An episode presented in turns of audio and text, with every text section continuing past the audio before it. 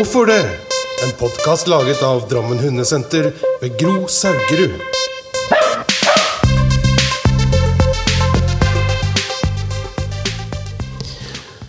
Ok, ny, ny runde med nye gjester, eller én ny gjest og én gammel gjest. Eh, Runar og Anna, dere er eh, to prisvinnere fra Dyregallaen som ble arrangert i oktober 2022. Velkommen. Takk for det. Takk. Eh, kan vi ikke starte litt med at selv om du, Runar, har hatt, vært på en runde før eh, her, så fortell litt kort hvem du er, og Anna hvem du er, og så skal jeg fortelle litt eh, også. Runar. Jeg heter Runar Næss og var innom her, ja, med en podkast hvor vi snakket mye om ulv. Fordi jeg har jobbet mye med ulv, men jeg har også jobbet mye med hund. Og egentlig så er alltid prioriteringen min dyrevelferd. Enten det er ulv eller hund eller elefanter eller hva det måtte være. Eh, Så har fokuset vært eh, dyrevelferd på ulike måter. Da. Enten det er å få ulv inn i media eh, på en positiv måte. Nå har vi jo sett at media er veldig fokusert på å snakke negativt om ulv. Og helt fra starten for 20-25 år siden så var jeg opptatt av å få positive historier inn i eh, media om, om ulv, for å veie opp litt mot det. For det er jo ikke noe nyhet eh, at det har vært litt eh, vinkla mot det, negative. Og det samme med hund også, å få positive eh, både innstillinger til hund og eh, treningsmetoder på hund, hvor jeg har brukt eh, historier om ulv for å trekke oppmerksomhet eh, inn i hundeverden. Eh, Så eh, jeg har jobba for dyrevelferden. eh, ha- eh, Som har ligget bak da, i alt jeg har gjort, egentlig, i 25 år. Så det er meg. Og det førte til at du fikk årets hederspris i Dyregallaen. Jeg gjorde det, og hedersprisen var utrolig fantastisk for meg å få, fordi jeg forventet ikke det i det hele tatt. Jeg har vært borte fra hund og ulv eh, en del år og jobbet med elefanter. Og jeg trodde ikke at eh, folket hadde fått med seg eh, egentlig, eller husket, det jeg har gjort tidligere i, Norge med, med hund og ulv og andre dyr. Eh, Så jeg ble helt tatt på senga. Jeg klarte ikke å si noe engang. Jeg ble rett og slett eh, stum, og det er veldig uvanlig for meg, som er veldig glad i å prate, prate om hund og ulv. Så, så det var jeg veldig takknemlig for, både for alle de som har stemt på meg, og for arrangementet også, Dyregallaen i seg selv, for det var et veldig positivt arrangement som eh, trakk fram mange personer som har gjort noe for eh, dyrevelferd og eh, ulike ting innenfor dyr, ikke bare hund. Men eh, det var også en, en fin måte å møte andre på. Eh, andre som har jobbet innenfor dyrevelferd, eh, omsorg for dyr, eh, omplasseringer, eh, hva det måtte være. Fordi det er så mange måter å jobbe med dyrevelferd på, og vi er kanskje forskjellige. Eh, og vi møter hverandre ikke bestandig, kjenner ikke til hverandre bestandig. Å ha et sånt forum hvor vi da kan komme sammen og bli kjent med hverandre og oppdage at wow, jeg er, jeg er ikke helt alene om dette her. For det tror jeg er en følelse som i hvert fall jeg, og sikkert mange andre også, ofte får. At vi, uff, vi sliter helt uh, aleine, og dette her er fryktelig slitsomt. Og, og vi kan få det som i dag kalles omsorgstretthet. Det er et ord som jeg tror ikke eksisterte for 20 år siden engang. Eh, Det er jo et nytt fenomen, eller i hvert fall noe vi har oppdaget eh, i nyere tid, og forstår det at det å, å ta ansvar for andre dyr, eh, mennesker også selvfølgelig, det er veldig slitsomt. Og mange brenner ut og må ta en pause, og kanskje kommer tilbake, kanskje ikke. Så det å kunne ha en sånn eh, støtteorganisasjon, om man kan kalle det det, et, forum, om det er årlig, eh, så, så ser vi det at eh, vi er ikke aleine. Vi kan snakke med andre. Og det kan gå på tvers av raser, dyreraser, fordi det er akkurat det samme. Enten det er et ekorn, eller det er et marsvin, eller det er en hest, eller det er en hund. Spiller egentlig ingen rolle. Det eh, bringer meg litt over til eh, vår neste gjest. Vi er tre stykker i dette lille studioet her i dag. Og det, Anna, fortell litt hvem, eh, hvem du er. For du hadde jo også en eh, Ja, vi kan røpe hvilken pris du fikk etterpå, men fortell litt gjerne hvem du er. Ja, jeg heter da Anna. Jeg er født og oppvokst med hund. Faren min drev med fuglehund. Eh, Så første bildet av meg som liten, så ligger jeg oppi senga sammen med fuglehundene, og de varsla når jeg gjorde ting jeg ikke skulle gjøre foreldrene mine. Ja, litt sladrehank. Jeg har alltid eh, Jeg kalte det lånte naboens hunder. Eh, Det var kanskje litt på grensen til kidnapping, for jeg blant passet de i sånn månedsvis. Så jeg har alltid kjempe, vært veldig glad i dyr. Og hatt kaniner, rotter, degus. Eh, Da jeg var liten, så hadde vi en schæfer. Og jeg hadde en kanin og jeg hadde en rotte, og vi gikk tur sammen i skogen. Da gikk rotta på ryggen til schæferen. Eh, kaninen hoppa etter og stempla ham på leggen når han tenkte at nå har jeg gått lenge nok, nå må du bære meg. Eh, Sånne historier kjennetegner gjerne oss sånn dyrefolk. At vi har så mye sånne rare Rare historier bak oss. ja. Ehm, men hva, hva driver du med i dag, da? Sånn, uh, vi skal komme litt inn på det, men driver du hva skal jeg si, profesjonelt med hund eller dyr i dag? Eller hva, hvordan er livet ditt med dyr akkurat nå? Ja, jeg jobber som hundeinstruktør på Lundqvist hundeskole ute i Rælingen. Eh, Jeg havnet der i 96 med min første egen hund. En grønlandshund-miks som jeg fant bak en låve. Eh, Som ble et ganske stort prosjekt, naturlig nok, som jeg kanskje ikke skjønte da jeg var 19 år. Ja. Eh, Som gjorde at jeg fikk masse hjelp der. Eh, Begynte å ta, ville ta en utdannelse. Hadde ingen ambisjoner om å gjøre det til noe annet enn å hjelpe mine egne hunder. Eh, og så ble jeg nok lurt inn litt. eh, og så endte jeg opp som instruktør da, fra år 2000. Eh, jobbet mange år. Jeg har hatt litt pause noen år, for jeg har jobbet mye med egenhunder og tatt mer utdannelse. Og det var litt da jeg havna inn på det med terapien, mm. som også var litt uh, tilfeldig. Uh, og er tilbake igjen da som instruktør, men uh, brenner veldig, veldig for dyrevelferd, litt sånn som Runar nevnte her. Eh, det er liksom Det ligger liksom i ryggmargen på eh, alt, og er vel en av de tingene som gjør at jeg kan bli ganske engasjert. Eh, og det ligger jo også i bunnen i Ja. terapihund-biten. Veldig. For det, uh, bare for å si det, da, siden dere er her litt uh, av forskjellige grunner, men Dyregallaen var det som nå uh, ble fellesnevneren. At eh, dere begge har kommet hjem med en pris. Og den prisen som du tok med deg hjem, det er egentlig hunden din har tatt med seg hjem, det var under kategorien Årets dyrehelt. Og eh, ikke det at det hadde noen ting med, med sjansen for å vinne å gjøre, men hun hadde bursdag den dagen som eh, prisen ble delt ut. Hun er elleve år, og av rasen Sibirian Husky. Stemmer. Ja. Kan ikke du fortelle litt rann, øh, eh, Nå ble det jo fortalt også fra juryens side hvorfor hun vant, men kan du ikke gjøre oss litt kjent med Tuna, da, som hun heter, henne huskyen? Ja. Eh, Tuna, hun er vel den hunden som jeg gjorde alt man ikke skal gjøre når man velger hund. Jeg valgte rent på følelser. Eh, hun er resultatet av en eh, 20-paring. Eh, men hun lignet veldig på en hund jeg var veldig forelska i før, når hun ble født. Og så var foreldrene hennes mine favoritter på den kennelen. Så jeg sa til oppdretter at når hun var tre dager gammel, den hunden skal jeg ha. Eh, hun bare ja, du kan jo vente litt. Nei, den, den skal jeg ha.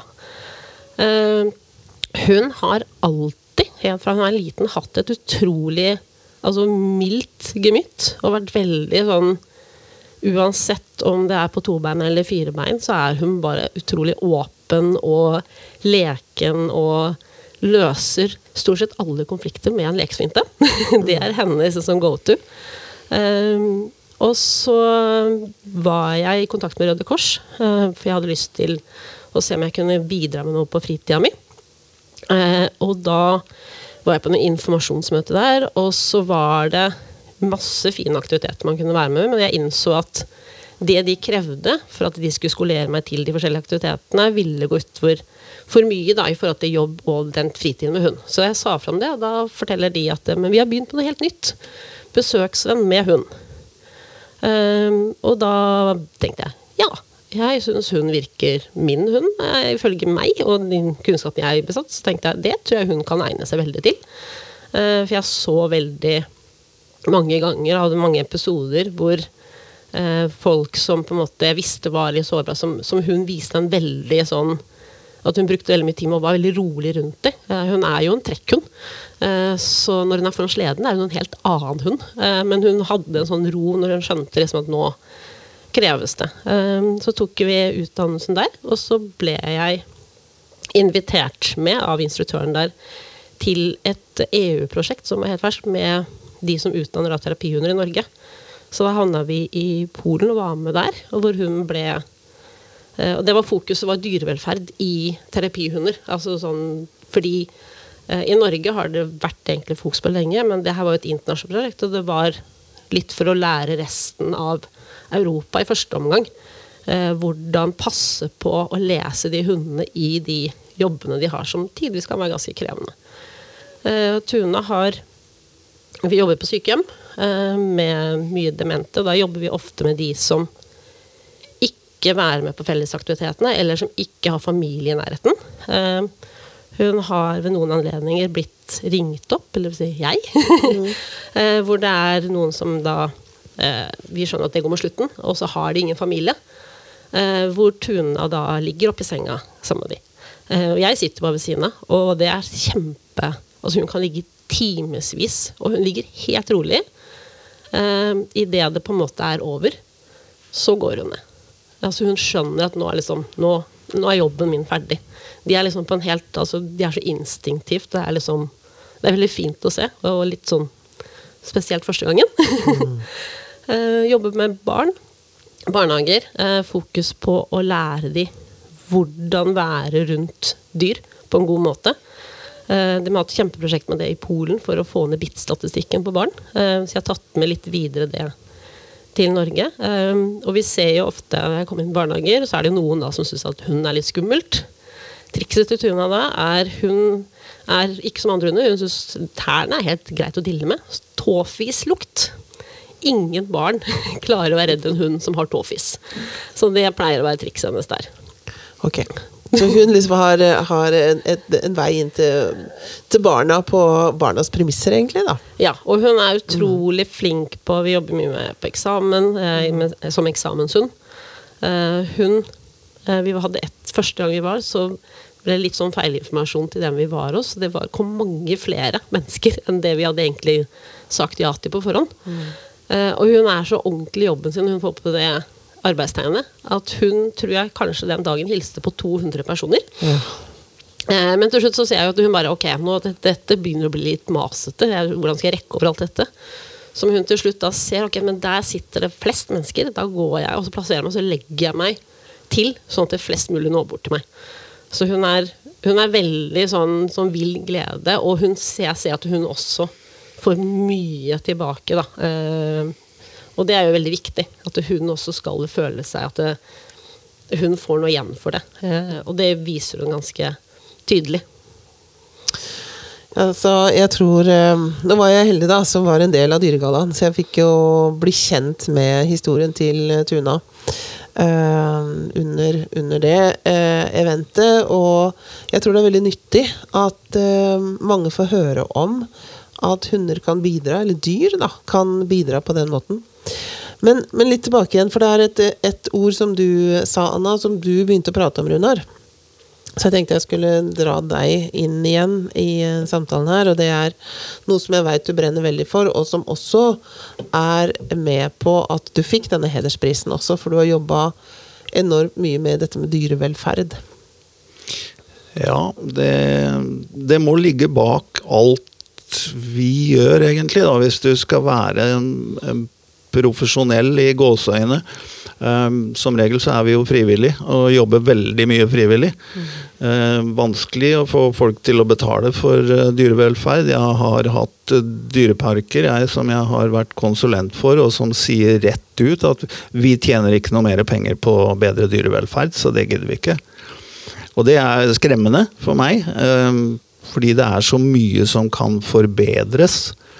Og noen dyr trenger mer eh, hjelp enn andre for å kunne ha en, en god dyrevelferd i eh, fangenskap. Altså, det er jo noe av det jeg har eh, også jobbet med. Å, å forsøke å få dyreparker til å øke sin dyrevelferd. Men hva er Hva er det liksom det mest kritiske punktet eh, når du jobber med dyreparker? og hvor, hvor, er det på en måte dyrevelferdet svikter mest? Er det størrelse på eller areal? Er det frykt? Er det fysiske altså, hva, hva, hva tenker du er Hvor, hvor er det, det, det vanskelige punktet, da?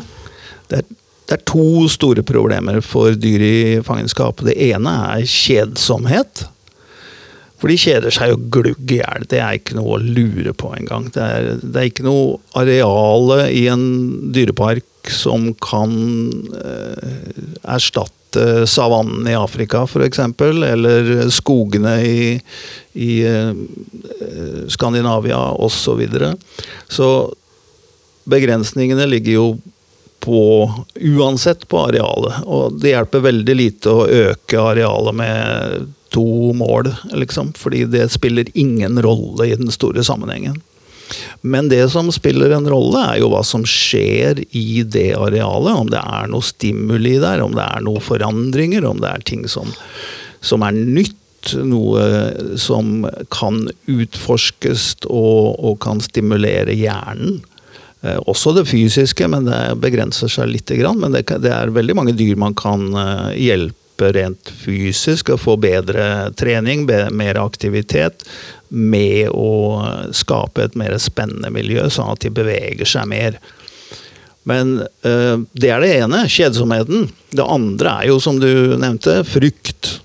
Og noen dyr har veldig frykt, mens andre tilpasser seg lettere et, et uh, miljø Ikke så mye i fangenskap, det vil alltid være en veldig begrensning for alle dyr, men uh, Eh, det å ha hundrevis, tusenvis av mennesker rundt seg på eh, hvert eneste år, det er klart, det er ikke normalt for ville dyr. Det er domestiserte dyr som kan eh, takle det.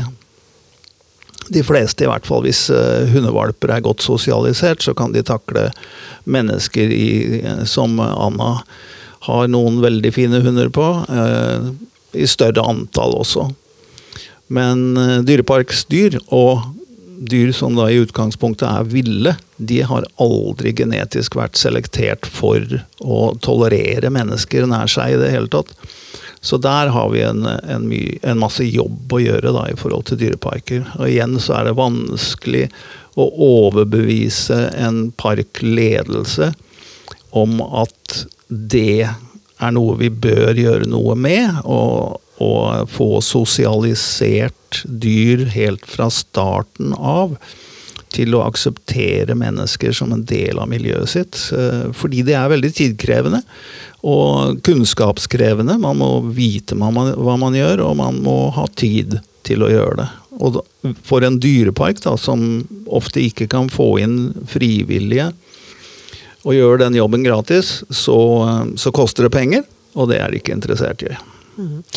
Jeg har veldig lyst til at vi kan snakke litt om akkurat det med den sosialiseringsdelen. For ulv har jo vært din greie der. Og så har jeg lyst til å dra inn Anna også i forhold til uh, sosialisering som hundeinstruktør også, og at du har hunder som krever også litt hva skal jeg si, spesielle anlegg da, for å kunne jobbe for, eller som terapihund.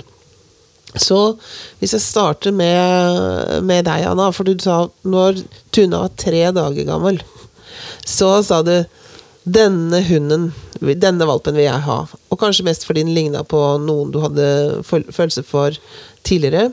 Men for de som ikke kjenner til en valp på tre dager, så kan man jo si at den er den har ikke åpna hørselsgangene sine, så man liksom kaller den for døv. Eh, og den har ikke åpna øynene ennå, så den er jo på en måte såkalt blind. Og det er den jo i 10-12 dager, og den er ganske ganske hjelpeløs, da. Så det liksom å få et inntrykk av en sånn liten valp så tidlig, det er veldig vanskelig. Det var vel der oppdretteren sa at du kan jo vente litt og se. Men eh, du, jo, du har jo fagbakgrunn. Du, du er jo en instruktør, du har jobba mye med hund. Og så tenker jeg for at de som hører på nå skal få, få med seg noe nytt, så vet man at og jeg tror også du, Runar, sa det også, at hvis oppdrettere gjør jobben sin, og at liksom alt ligger til rette, så tåler de fleste hunder det livet som, som vi lever. Men Anne, kan ikke du snakke litt om sosialisering, også opp mot terapihunden? Hva er viktig for de som kanskje tenker dette hørtes ut som noe som kunne passe meg og min hund? Dette har jeg også lyst til å gjøre. Hvilke egenskaper kreves? Hvordan sosialiserer man valpen for den kommende oppgaven? Og liksom, hva er det som ligger bak? Uh, ja, jeg har jo to stykker. Jeg har Tuna, og så har jeg jo sønnen hennes, uh, Marve. Så han har jo jeg forma fra han var bitte liten. Uh, med tanke om at han skulle bli sertifisert terapihund. det som jeg pleier å si, altså sånn, nesten med en terapihund, er at du, de har litt dårlige sosiale antenner. fordi at du skal jo ha den hunden som i utgangspunktet er superbekvem med å være tett oppå totalt fremmede. Uh, og en av mine sånn viktigste altså sånn fanesaker med det med terapihund, er nummer ett selvfølgelig dyrevelferden, som jeg nevnte i stad. Uh, men nummer to at de skal være det som vi kaller sertifisert. Uh, Dvs. Si at de er gjennom det vi kaller en egnethetsvurdering. og jeg har jo vært med på mange av disse testene hos Dyrebar omsorg. og mange er jo sånn at de går dit, og så har de jo skyhøye liksom, Det er mye stress, det er mye følelser rundt det. og det som er viktig der, er at hvis hunden din da ikke består den testen, så kan du ha en helt fantastisk hund, men bare denne ekstremjobben er den ikke egnet for. Eh, det som krever, er at du har en hund, sånn som jeg har gjort mye med Marve fra fra var valp, og Tuna også gjorde det, selv om jeg ikke siktet meg inn på det, men bare for at jeg ville ha en trygg hund i mye miljøer. Jeg bodde den gangen i Stockholm, eh, i byen, så da var det ganske viktig å ha en trygg sosial hund. Og det er kanskje der hvor jeg føler en del synder litt, at de sosialisere, men de tar dem med på masse ting. Og så glemmer de å lese hunden. Eh, for det hjelper ikke hvis den har vært og sett på trikk 15 ganger, hvis den syns det var skummelt alle 15 gangene. Mm. Um, og det er kanskje det viktigste. Uh, er å um, I den sosialiseringen så er det en habituering, dvs. Si venne de til miljøet de skal være i. Um, så det vil si at hvis du har en hund som du tenker at jeg har lyst til å jobbe på sykehjem, så trenger den ikke å være med på sykehjemmet. Det kan bli litt sånn overload uh, for den valpen. Uh, som gjør at det heller når den er gammel nok til å ta den vurderingen om den er egnet, som er ved to års alder, at den egentlig er lei. Fordi den har blitt for mye. Det har blitt for vanskelig for tidlig. Den har ikke fått være valp. Men det å ta dem med i miljøet, se på miljøet, høre altså sånn Hunder har mye Det er vi som skal tafse på avokado for å kjenne om den er moden. Mm. Valper har mye mer nytte av å se, lukte og høre. Eh, å gjøre det, å lese valpen, er sånn Er den nå bekvem? Eh, hvordan ser den ut når den er bekvem? Eh, lære hunden din Jeg har det som sikkert du kjenner igjen, som sikkert du også lærer, den ryggsekkmetoden. At jeg har en sånn på alle hundene mine. Når vi sitter nede og ser på verden sammen når de er valper, så sitter de med ryggen inntil meg. Eh, og det blir jo en sånn trygg sone. Eh, hvis det kommer noen bort til meg da og spør kan jeg hilse på valpen din, så får de ikke lov innen den trygge sonen. Så jeg har jo lært hundene mine at det Eh, hvis du kommer der sånn, så betyr det at nå er det et eller annet du syns er litt pussig, som jeg skal hjelpe deg med. Så det blir et signal til meg. Eh, og det med å ta med eh, Jeg ser jo en del oppdrettere, for du får jo kjøpt sånne sjekklister med hva du skal gjøre med valpen. Og så ser jeg at venner som har hatt av valper, hvor jeg bare tenker de har gjort så sjukt mye. Sånn, når sov den valpen? Mm. Uh, så det blir en overstimulering, fordi at du skal sjekke på den lista og sende til valpekjøperne, legge ut på Instagram, Facebook, se alt de har gjort. Som jeg tenker sånn Men kvalitet framfor kvantitet uh, tror jeg kanskje er en god greie. Og det mm. gjelder også når du tar med deg valpen uh, rundt. Altså les valpen din. Det vil også variere fra uke til uke de jo, har jo gjerne sånn periode hvor de plutselig bare Å, nå er det litt skummelt igjen. Det var kjempegreit forrige uke. Og ikke da tenke på det, men jeg skulle jo ta bussen. Det, det sto på tidsskjemaet denne uka. Men buss denne uka er litt ekkelt. Så sitt på bussholdeplassen, da. Eller sitt 15 meter fra bussholdeplassen. Pass på at du ikke er så opptatt av liksom det skjemaet som du skal huke av på, men ha med deg hunden underveis. Eh, og la de få gode erfaringer. Gi deg på topp. Gi deg noe liksom våpen i. Bare 'herregud, dette er jo kjempelett'. Eh, da tenker du istedenfor bare ah, 'kanskje jeg skal gå ti meter nærmere'. Så bare 'nei, men jeg skal gå hjem i dag'. Nå var det, dette var tipp topp. Eh, jeg gjorde jo ikke så Altså, jeg gjorde mye med valpene mine, men eh, jeg gjorde jo en del sånne Naboene mine syns sikkert jeg vil pusse pussig, for jeg skal jo ha trekkhunder, så de skal jo gå på ski. Eh, de var jo født i juni, så jeg gikk jo på ski i hagen. Eh, valpene surra rundt, og jeg det var vel ikke noe god stil på den her uh, skigåinga mi. Men handler litt om å venne de til liksom det de skal ha en del av hverdagen. De fikk også se rullestoler og rullator og sånne rare ting. Men det er ikke så prekært at de er oppi det miljøet. fordi tanken er jo at hvis du har en hund som generelt er trygg, og ikke minst ha en tillit til deg som fører, som er det kjempeviktige, at du, den vet at du leser når den syns at noe er litt rart, eh, så vil den klare de fleste nye miljøer. Og det ser jeg jo med Tuna. ikke sant? Altså, selv om vi kommer inn på et kontorbygg vi aldri har vært, så er hun sånn 'Å ja, men jeg har på det arbeidstegnet. Jeg er med mutter'n, jeg vet at dette går bra.' Så har hun denne Grorudpalma si vaiende og har en sånn fremtoning med at dette går jo selvfølgelig fint, for det går jo alltid bra med mamma. Uh, hun putter meg ikke, liksom, hun lurer meg ikke opp i stry. Hun lokker meg ikke med en godbit i et eller annet situasjon som jeg egentlig ikke vet hva jeg går til. Um, og det tror jeg kanskje er det viktigste um, med den sosialiseringsbiten med hunder generelt, og liksom den terapihundbiten. At hun trenger ikke å hilse på alt og alle, men at den skal heller ha gode erfaringer med de den får hilse på. Jeg tenkte jeg skulle kaste meg litt inn her, fordi at eh, jeg skal kaste ballen over til Runar igjen ganske snart i forhold til, for å trekke det eksotiske inn med ulvevalper, da, siden du har jobba mye med det. Men først vil jeg spørre deg, Anna, i forhold til Du sier at, du må, at man kan lese hunden. Um, og min erfaring er jo at uh, siden jeg også har jobba med ulv, så er de på en måte litt sånn mer Jeg vil ikke si ærlige, men, men de, har, de snakker bare med ulver. Sånn at dermed så blir jo språket litt, litt mer ja, De drar ikke fordel Altså, hunder, de tilpasser jo eller forandrer språket sitt fordi at vi er med på å påvirke det. En, en, redd hund kan jo se veldig forskjellig ut. Den kan jo hoppe opp eieren sin, eller dra, bite i bånden, eller grave i bakken, eller Den kan gjøre ting som ikke står i den store, kloke boken, da, hva en redd hund Hvordan den kan se ut. Fordi at hvis den begynner å hoppe opp eier, så går kanskje eier vekk fra fra situasjonen. Så det blir på en måte en, en lært språkdel da, som man ikke finner. Men hvis, hvis um, en som, som, nå jobber med sosialisering sin hund, tenker å, det var gode råd, men hvordan ser man at hunden er trygg? Hvordan, hvordan ser en trygg hund ut? Uh, jeg vil jo egentlig da si at det enkle svaret er gå på valpekurs uh, hos en instruktør som du liksom Bruk nett og Google og sjekk opp. Uh, og få hjelp der.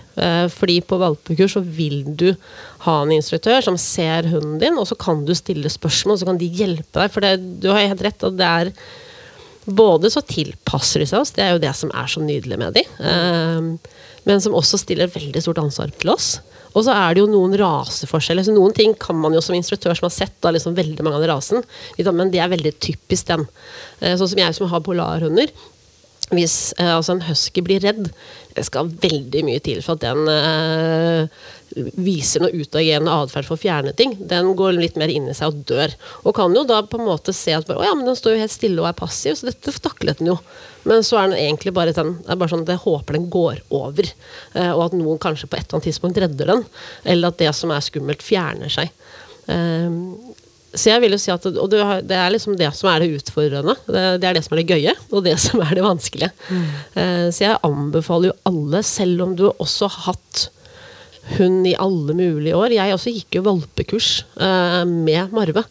Eh, det er nyttig, og så er det når du får noen andre utenfra. Og det er jo det som er også med de egnethetstestene. Jeg følte meg veldig bekvem på at Marve skulle bli godkjent. Men det er noe å få noen liksom andre øyne som på en måte ikke har de følelsene til verdens beste valp, til å se på at det bare Ok, akkurat der viser den faktisk liksom, Når den kaster seg på rygg og eller, vibrerer og ser ut som den synes er kjempe, så er det egentlig en sånn avledningsmanøver fordi den syns det er ubehagelig. Og har lært at bare hvis jeg spreller og virrer rundt, så ler de av meg, og så tafser de ikke på meg, så får jeg gå. Eh, For det er jo De lærer jo en del sånne atferder, fordi de skjønner jo hva som funker på oss mennesker. De er gode på å trene oss. Veldig gode. Og når jeg, når jeg har mange på kurs, så lurer jeg på hvem som egentlig trener hvem. Eh, Og veldig mange valper er kjempegode på å trene eieren sin. De er, de er best i klassen på det. Og eiere lar seg trene ekstremt lett. Runar, vi har snakka litt om, om sosialisering av, av valper. Og, og ulver er jo også valper på et tidspunkt, men de skal antagelig ikke bli terapiulver for noen. Eh, Og dermed så de, altså ditt mål er i forhold til eh, sosialisering av ulv, som du har gjort i mange, mange år. I ulike parker, det må man si at dette er ikke noe man gjør eh, Man henter jo ikke bare inn en ulv og tenker det blir min hund. Så dette er jo i kontrollerte former, både i inn- og utland. eh, Med det mål for øye om å få trygge, altså øke dyrevelferden for ulv i fangenskap. Det er vel det som er hovedmålet. Du får justere det hvis det er feil, men det jeg gjerne vil vite når du begynner å prate litt om det her, det er sosialisering av hunder, og, eller valper innen hund, og sosialisering av ulv. Hvor skiller det seg i, eh, i hva man gjør, og hvorfor man gjør det? Det første jeg vil ta tak i, er det du sa, eh, dyrevelferden. Og det må være bakgrunnen for å sosialisere ulv i fangenskap. For hvis man har andre motiver enn dyrevelferd, da går det på ego, eller det går på økonomi osv., og, videre, og da blir det ofte feil. I hvert fall for meg så er det litt eh, utenfor området. Selv om en dyrevelferd kommer da som en bivirkning, eh, så mener jeg at det må være første prioritering. Altså for alt annet komme som en bonus siden. Men eh, forskjellen er eh, ganske stor, selvfølgelig fordi det er eh, Hunder er domestisert og eh, tilpasset mennesker, mens ulv overhodet ikke er tilpasset det å være i nærheten av mennesker. Og det gjelder også om de har eh, vært født i fangenskap, aldri har vært ute i naturen i det hele tatt. Så er de genetisk programmert til å være redd mennesker. Og der er det også noe som eh, Anna snakket om, nemlig det at det kan være vanskelig å se og vite og forstå hva er stresssignalene på en ulv. For hvis de ligger og sover hele dagen, så er det veldig mange som tror at å, ja, men de har det jo kjempebra, de ligger jo bare og sover. Eh, Så da, da slapper de jo av og, og har det sikkert kjempefint. Men når de ligger og sover, så er jo det også en stressreaksjon. eh, Å rett og slett bare melde seg ut totalt og ligge borti det borteste hjørnet i innhegningen sin, så langt vekk fra folk som de kan komme, og så ligger de bare og sover der hele dagen. Og så er de oppe og, og eh, leker rundt og er normale, kan du si. eh, har noe normal, i hvert fall den sosiale atferden, om natta. Når det ikke er et eneste menneske i nærheten. Eh, Og så eh, snur de dermed hele døgnet, egentlig. Eh, Så det er jo et stresssignal i seg sjøl. Og um, for å unngå alle disse stressfunksjonene da, som, som skjer i for så sosialiserer vi dem fra de er bitte små. Og han har snakket om tre dager, og det på, på sin, eh, som ikke er vanlig på hundevalper, men eh, det ble noe sånn eh, på den. Og det er faktisk det som er målet for eh, ulvevalper. At vi må starte så tidlig. Ikke nødvendigvis tre dager, men fem til ti dager i hvert fall. Fordi de har en så veldig tidlig start på sosialisering, og tidlig, eller kort, eh, periode på, på sosialisering. Er, eh, vi har en tredjedel av den tiden kanskje som en typisk hundevalp vil ha på å lære disse valpene alt det de trenger å lære om sitt miljø. Nå er heldigvis ikke det miljøet like stort og kompleks som en hund. Og det er nettopp derfor en ulv ikke har veldig lang sosialiseringstid. Fordi ute i skogen så skal den egentlig bare lære om familien sin.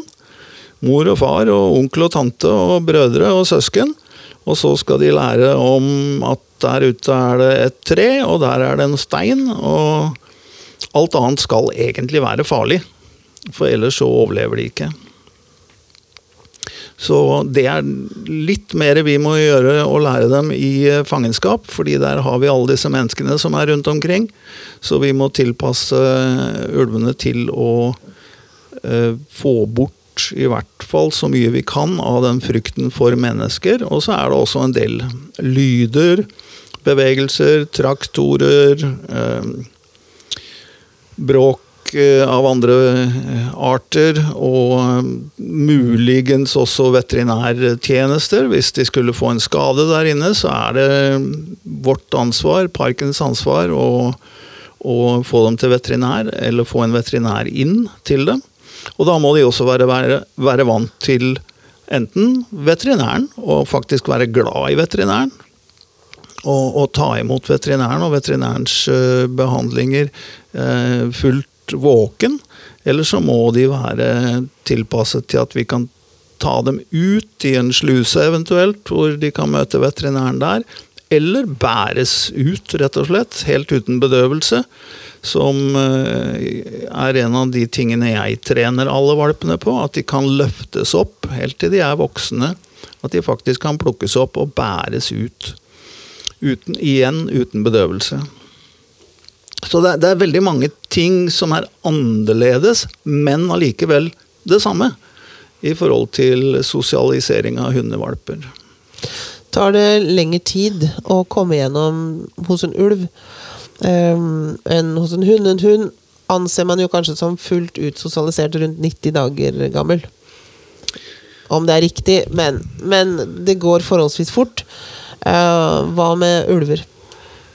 Ja, disse, som du sier, disse tidene man opererer med, periodene, de, de er veldig fleksible. Ja, også fra hunderaser til en annen rase. Kan skifte fra ja, med flere uker og til og med måneder.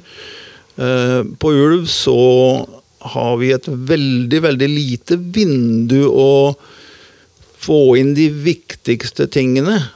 Eh, de har en angst som starter allerede ved 19 dager, mens hundevalper egentlig ikke påbegynner å, å, å få denne angsten før ja, mellom 35 og, og, og 70 dager, rett og slett. Altså mellom seks uker og ti uker. Så vi har et veldig kort vindu der før ulvevalper begynner å bli redd. Så vi må jobbe mye mer i ett ettertid, da, med læring, med innlæring på en litt annen måte. Eh, og faktisk så jobber vi et år minimum eh, med en ulvevalp for å få den trygg, helt trygg på miljøet rundt seg, på, på mennesker rundt seg, og for å få til den dyrevelferden som vi, eh, som vi søker. Mm. Eh, litt grann tilbake igjen eh, til eh, Hoppe litt mellom dere. For å prøve å prate litt igjen om, om Tuna, da. Og denne, nå har du fortalt en del om um, hva en terapihund er. Men jeg tror faktisk at det var nytt for ganske mange den lørdagen som hun fikk sin uh, pris. og høre, høre, hva disse, disse gjør.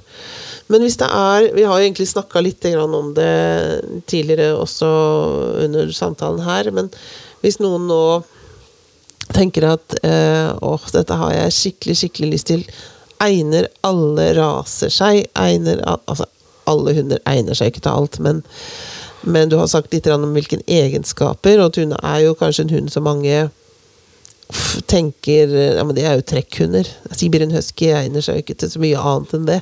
Men er det liksom noen raser, da, som eh, Eller personlighetstyper i hund som, eh, som egner seg? Uh, ja, jeg har jo fått mye spørsmål. Altså, det er veldig mange som stusser bare Oi, har du en siberian? eh, som er uh, terapihund. Det er jo litt pussig. Um, men jeg tenker at det er ikke pussig i det hele tatt. Uh, fordi er det noe en siberian skal ha, så er det en god av-knapp. Mm. det vil si at de skal jo kunne løpe i mil og mil og mil og være på. Ha en utholdenhet der. Uh, og utholdenhet i, som terapihund i stressende miljøer er jo kjempeviktig. At du ikke liksom blir metta etter fem minutter og egentlig da vil ta en pause. Men at du kan faktisk jobbe ganske lenge. Eh, men at du også kan eh, være som en cowboy. Hvile på post. Mm. og det er jo en egenskap som skal være i en siberian. Selvfølgelig det finnes unntak der også. Og der kommer jo den inn at uh, i utgangspunktet så er alle raser egna. Det kommer an på individet. Uh, og så kommer det an på individet sammen med fører. Sånn som jeg sa i stad, Du skal jo ha det teamwork. Så du kan jo i prinsippet kanskje ha en hund som er kjempefin. Men så har ikke, de har ikke liksom funnet hverandre helt ennå. Men der er jo den da skoleringen av fører som kan komme inn og justere det. Som gjør at ok, vi ser at det her kan det bli noe, men du som fører må bli litt bedre på å lese hunden din. Uh, så kan det bli helt magisk. Uh, men jeg ser selvfølgelig når vi var på det første prosjektet i Polen. Da var vi ekvipasje fra Norge, Polen, eh, Tyskland og Italia, tror jeg. Jeg husker ikke helt. Eh, det var ikke mange polarhunder, det var to. Veldig mange retrivere. eh, og veldig mange fikk nok der litt sånn derre Wow! Altså, fordi at det som kanskje retrieverne var jo fantastisk å jobbe med den apporteringen eh, og ha den sosialiteten. Men den av-knappen eh, den var kanskje ikke like god eh, på mange der, så de måtte jobbe mer med den. Mens den faller mer naturlig, da. Eh, sånn at det, jeg tenker at det viktigste er den Altså, den egnethetstesten er det den er for, for å se liksom individet. Um, og ikke nødvendigvis se seg blind på rasen, for det er jo litt sånn som vi snakket om tidligere i dag. at det er jo noen land så er det jo noen raser som er forbudt, som ikke blir testa. Og det er det vi egentlig jobber eh, Dyrevarer også jobber litt med. Da, den derre eh, lærdommen der. At eh, ikke se dere blind på rasene. Eh, men det som er viktig grunn til at de venter så lenge med den testen, det er jo for at hunden skal bli kjønnsmoden. For du kan jo ha f.eks. en sånn vokterhundrase som er supersosial og veldig sånn der Jeg vil ligge oppå fanget ditt, opp ned, når den er seks-sju måneder. Og så blir den to og et halvt år, så kommer den på at nei, du, jobben min er faktisk å be deg gå et annet sted. Mm. Og da er det greit å vente til du måtte ha kommet dit hen og vise liksom hva, hva er den ekte personligheten når du er ferdig med alle de der pubertetene. Mm. Um, sånn at man ikke er for tidlig ute. Og det er også derfor de på en måte bør vente med å være med på jobb før de har tatt den testen. Eh, for å virkelig se liksom sånn, er den egnet, både for hunden sin del og for tryggheten til de de skal jobbe med. Mm. Uh. Nå har vi jo nevnt den egnethetstesten egentlig mange ganger. Altså, vil jeg tro at noen lurer på hva er egentlig den testen går ut på? Kan ikke du fortelle litt om hva, hva, sånn, hva innebærer det å, å, gjennomføre en sånn test? Uh, den eh, er ikke så skummel som den høres ut som. Eh, det er en test som eh, da blir utført av en etolog, som er jo spesialskolert til å lese rett og slett atferd på hund, og lese den og vurdere hva, hva faktisk hunden sier. Det handler mye om å putte de Den er litt sånn nesten sånn som de politihundene går gjennom, bare selvfølgelig da tilpassa til det yrket den, denne hunden skal ha. Så det handler mye om å sette de i litt sånn rare situasjoner, hvor det er bråk, det er rullestoler, det er rare ting som skjer. Og lese hvordan hunden takler det. Fordi det er selvfølgelig lov at hvis du kommer i en mørk gang, og det kommer en rullestol med en, en rar dame med At du bare Wow, eh, denne var litt pussig. Men vi ønsker å se på avreageringen. Og det har med dyrevelferden å gjøre. For vi ønsker å ha hunder der sånn som hvis noe skummelt skjer, og det kan skje, det har skjedd med Tuna også, at den hunden da ikke bærer det med seg. fordi da, da blir det litt sånn som at ok, da bruker vi terapiene fordi vi har nytte for det, men det går utover hunden. Uh, så Derfor også er det den samme som er figurant, dvs. Si den som gjør de forskjellige tingene med hunden. Eh, hele veien. Eh, for rett og slett se at når den, hunden, når den figuranten har gjort kanskje litt rare ting med den, at på slutten av testen, når den da skal kose og klemme og gi mat, at den hunden ikke bare Nei, nei, du var ganske gæren i stad, så deg stoler jeg ikke på. For vi ønsker da å se at eh, For det hadde jo ikke vært rart om hun syns, men i denne jobben for dyrevelferden så er det superviktig at de har en utrolig god evne til å avreagere og ikke bære ting med seg. Uh, Tuna kan jeg fortelle, hun hadde en veldig kjedelig opplevelse på et sykehjem. Uh, hvor hun ble dratt veldig hardt i halen. Uh, sånn at hun fikk en brist i halen, så det gjorde naturlig nok kjempevondt. Uh, nummer ett så blir hun stående i situasjonen, og jeg bare ser jo på blikket hennes at noe skjedde, så jeg redder henne ut fra det. Men hun gjør ingenting med den personen som var, var der. Og når etter at hun hadde helet og er tilbake, så går hun inn der med like stor hale og bare kjempehappy for å være tilbake på jobb. Fordi at hun har den evnen at bare sånn Ja, men det var den ene episoden. Det er ikke liksom det er ikke noe som på en måte kommer til å skje igjen, for det var bare uflaks. Eh, at du vil ha en hund som på en måte har den evnen. da. Og Derfor kommer også den sosialiseringen som jeg snakket om i stad. Hvis de gang på gang blir utsatt i sosialiseringen for at ting er ekkelt, så vil du kanskje få en hund som blir litt dårlig på avreagere, og da vil bære frykt med seg, og så generaliserer de frykt istedenfor. Og det er jo ikke, ikke så hyggelig. Mm.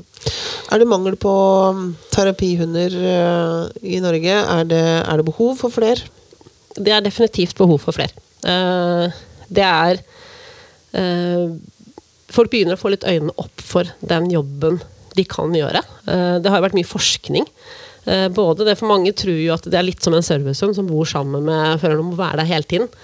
Eh, terapien er jo ment som et tiltak i en gitt periode.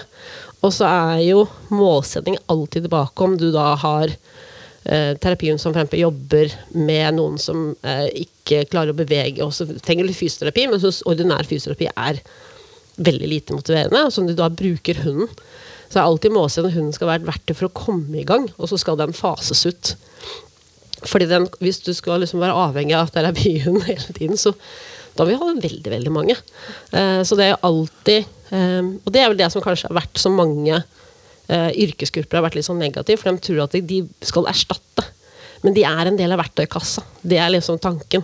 Mm. at de er et tilskudd som kan gjøre de som på en måte enten da trenger en pause for ordinær behandling, Eh, eller at har stagnert det for å komme videre. Eh, og det jobber de frem mye med på Sunnaas, med barn og unge der.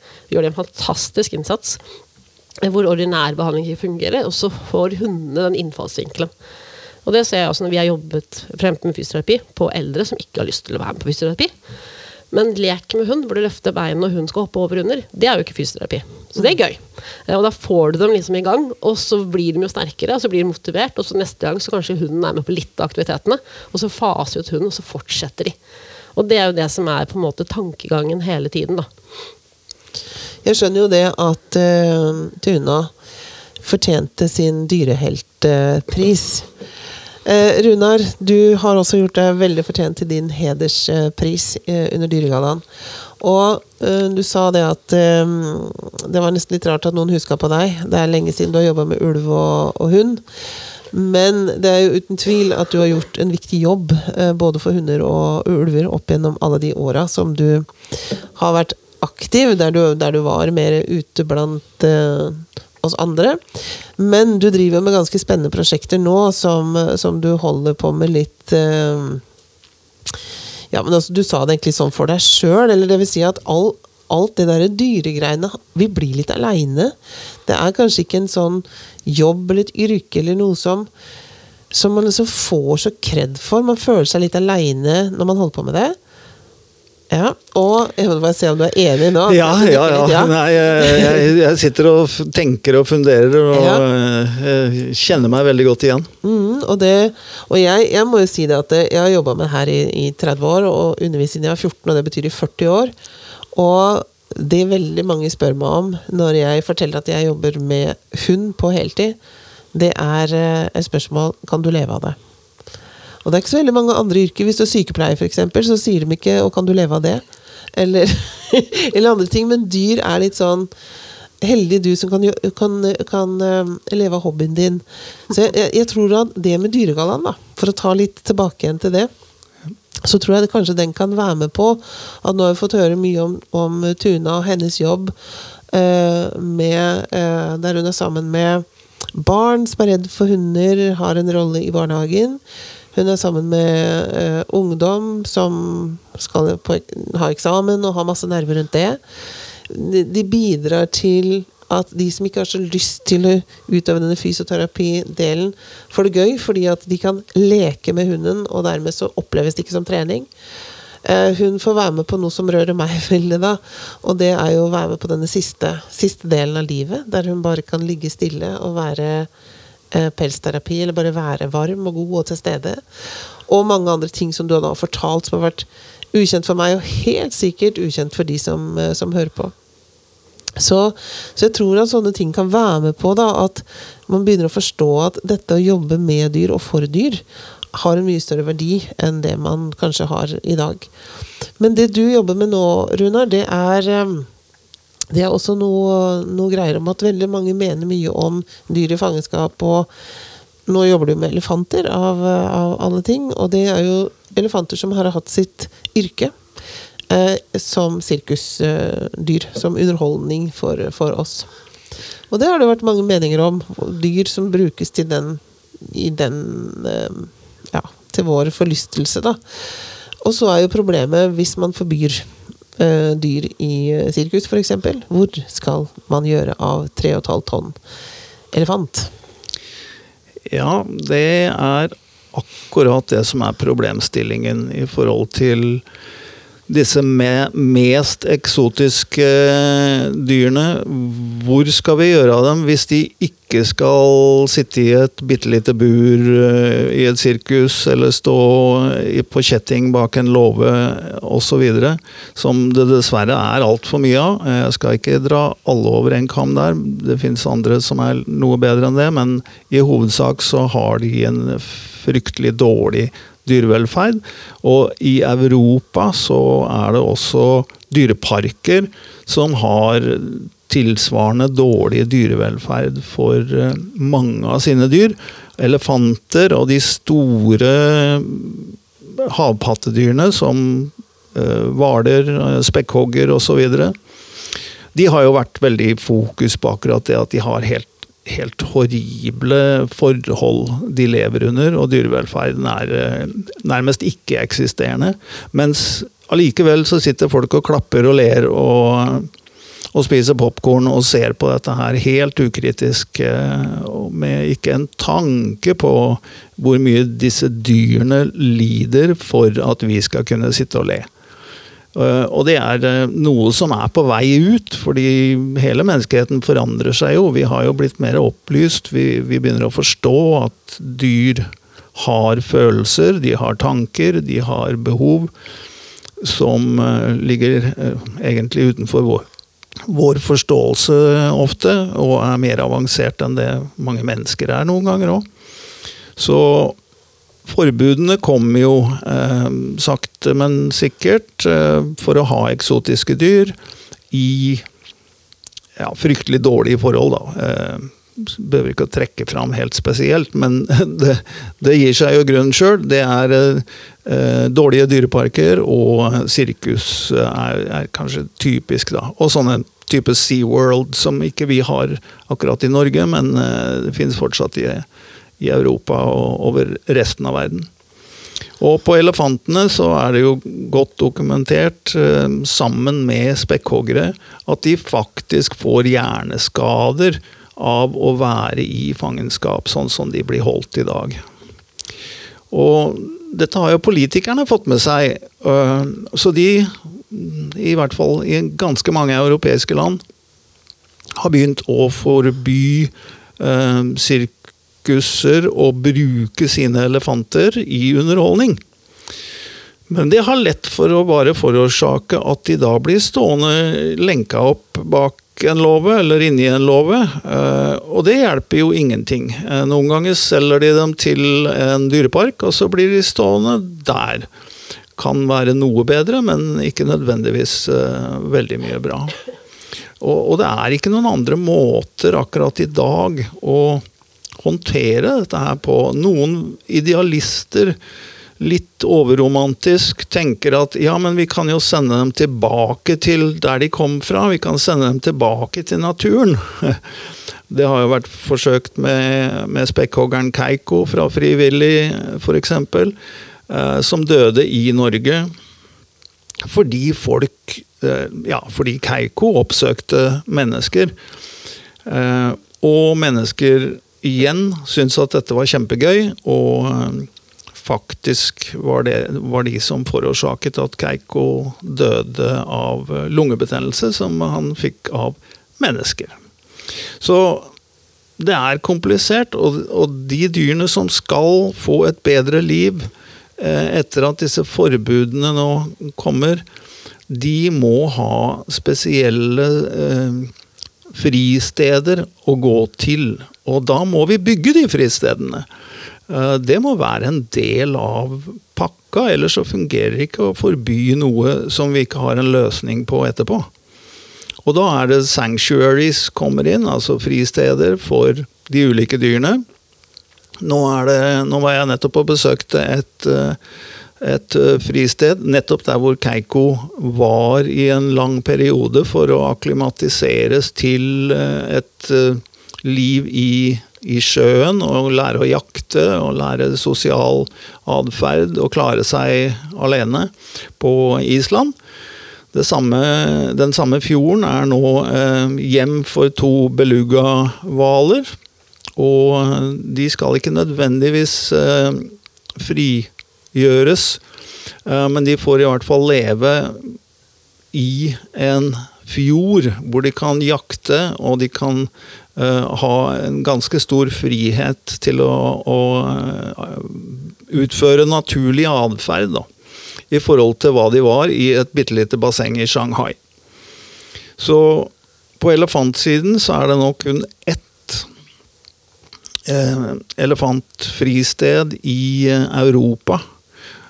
Og det er Elephant Haven i Frankrike, der hvor jeg eh, jobber. Frivillig, vel å merke. Igjen så er vi tilbake til det som Gro sa, at dyrevelferd det er ingen som gidder å betale for det. Det er veldig få. Så det drives hovedsakelig av idealister. Mm, og det er eh, i min mening ganske feil, men sånn er det nå en gang. Og så får vi jobbe med at i hvert fall disse som har dyr som Anna, som har terapihunder, som har eh, aktive roller innenfor omplasseringer for dyr, eh, og hjelper både mennesker og dyr, Eh, bør få en høyere status og, og lønnes enten over statsbudsjett eller over eh, organisasjoner eller hvor som helst. Men statusen bør i hvert fall økes, fordi det er ikke lenger en hobby. Det er en samfunnstjeneste som alle bør, bør støtte opp om. Og Elephant Haven har vært basert på frivillig arbeid Eh, for å bygge hele stedet, og er fortsatt helt avhengig av frivillige som kommer inn og hjelper til med alt det som eh, må gjøres for å holde to-tre elefanter gående. Eh, og veterinærtjenester, for ikke å snakke om. Alle elefanter som kommer fra dyreparker og sirkus, har en mengde fysiske skader og problemer Eh, for ikke å snakke om da også de mentale problemene som de har utviklet uh, gjennom årevis uh, i fangenskap. Så ja, det er det jeg driver med akkurat nå. Vi har to elefanter, vi får én til til neste år. Og, det, og da er det fullt for, i forhold til den loven og den kapasiteten vi har akkurat nå. Og så er det da 100 til som trenger et sted å være. Og de må ha et relativt varmt klima, så Norge er ikke stedet å bygge elefant uh. Men vi kan ha sanctuaries for andre dyr som er mer tilpasset vårt klima, f.eks. Mm. Jeg skulle ønske at vi kunne prate sammen i enda en time, for vi har faktisk prata i oh, ja. en time nå. Men uh, jeg tenkte jeg skulle runde av. Ehm, det som ofte skjer når man runder av, det er at eh, vi lager en episode til, så vi får se hva som skjer her. Men eh, at dere fortjener hederspris og eh, dyrehelt. Det er det ingen tvil om. Og jeg håper at de som eh, hører på denne episoden her, har lært noe nytt. Lar seg inspirere. Og, og forstår bakgrunnen for hva som driver oss og dere framover. Så tusen takk til Runar og Anna at dere kom og ville være gjester i uh, Hvorfor det. Takk Tusen for at takk. jeg fikk komme. Hvorfor det? En podkast laget av Drammen Hundesenter ved Gro Saugerud.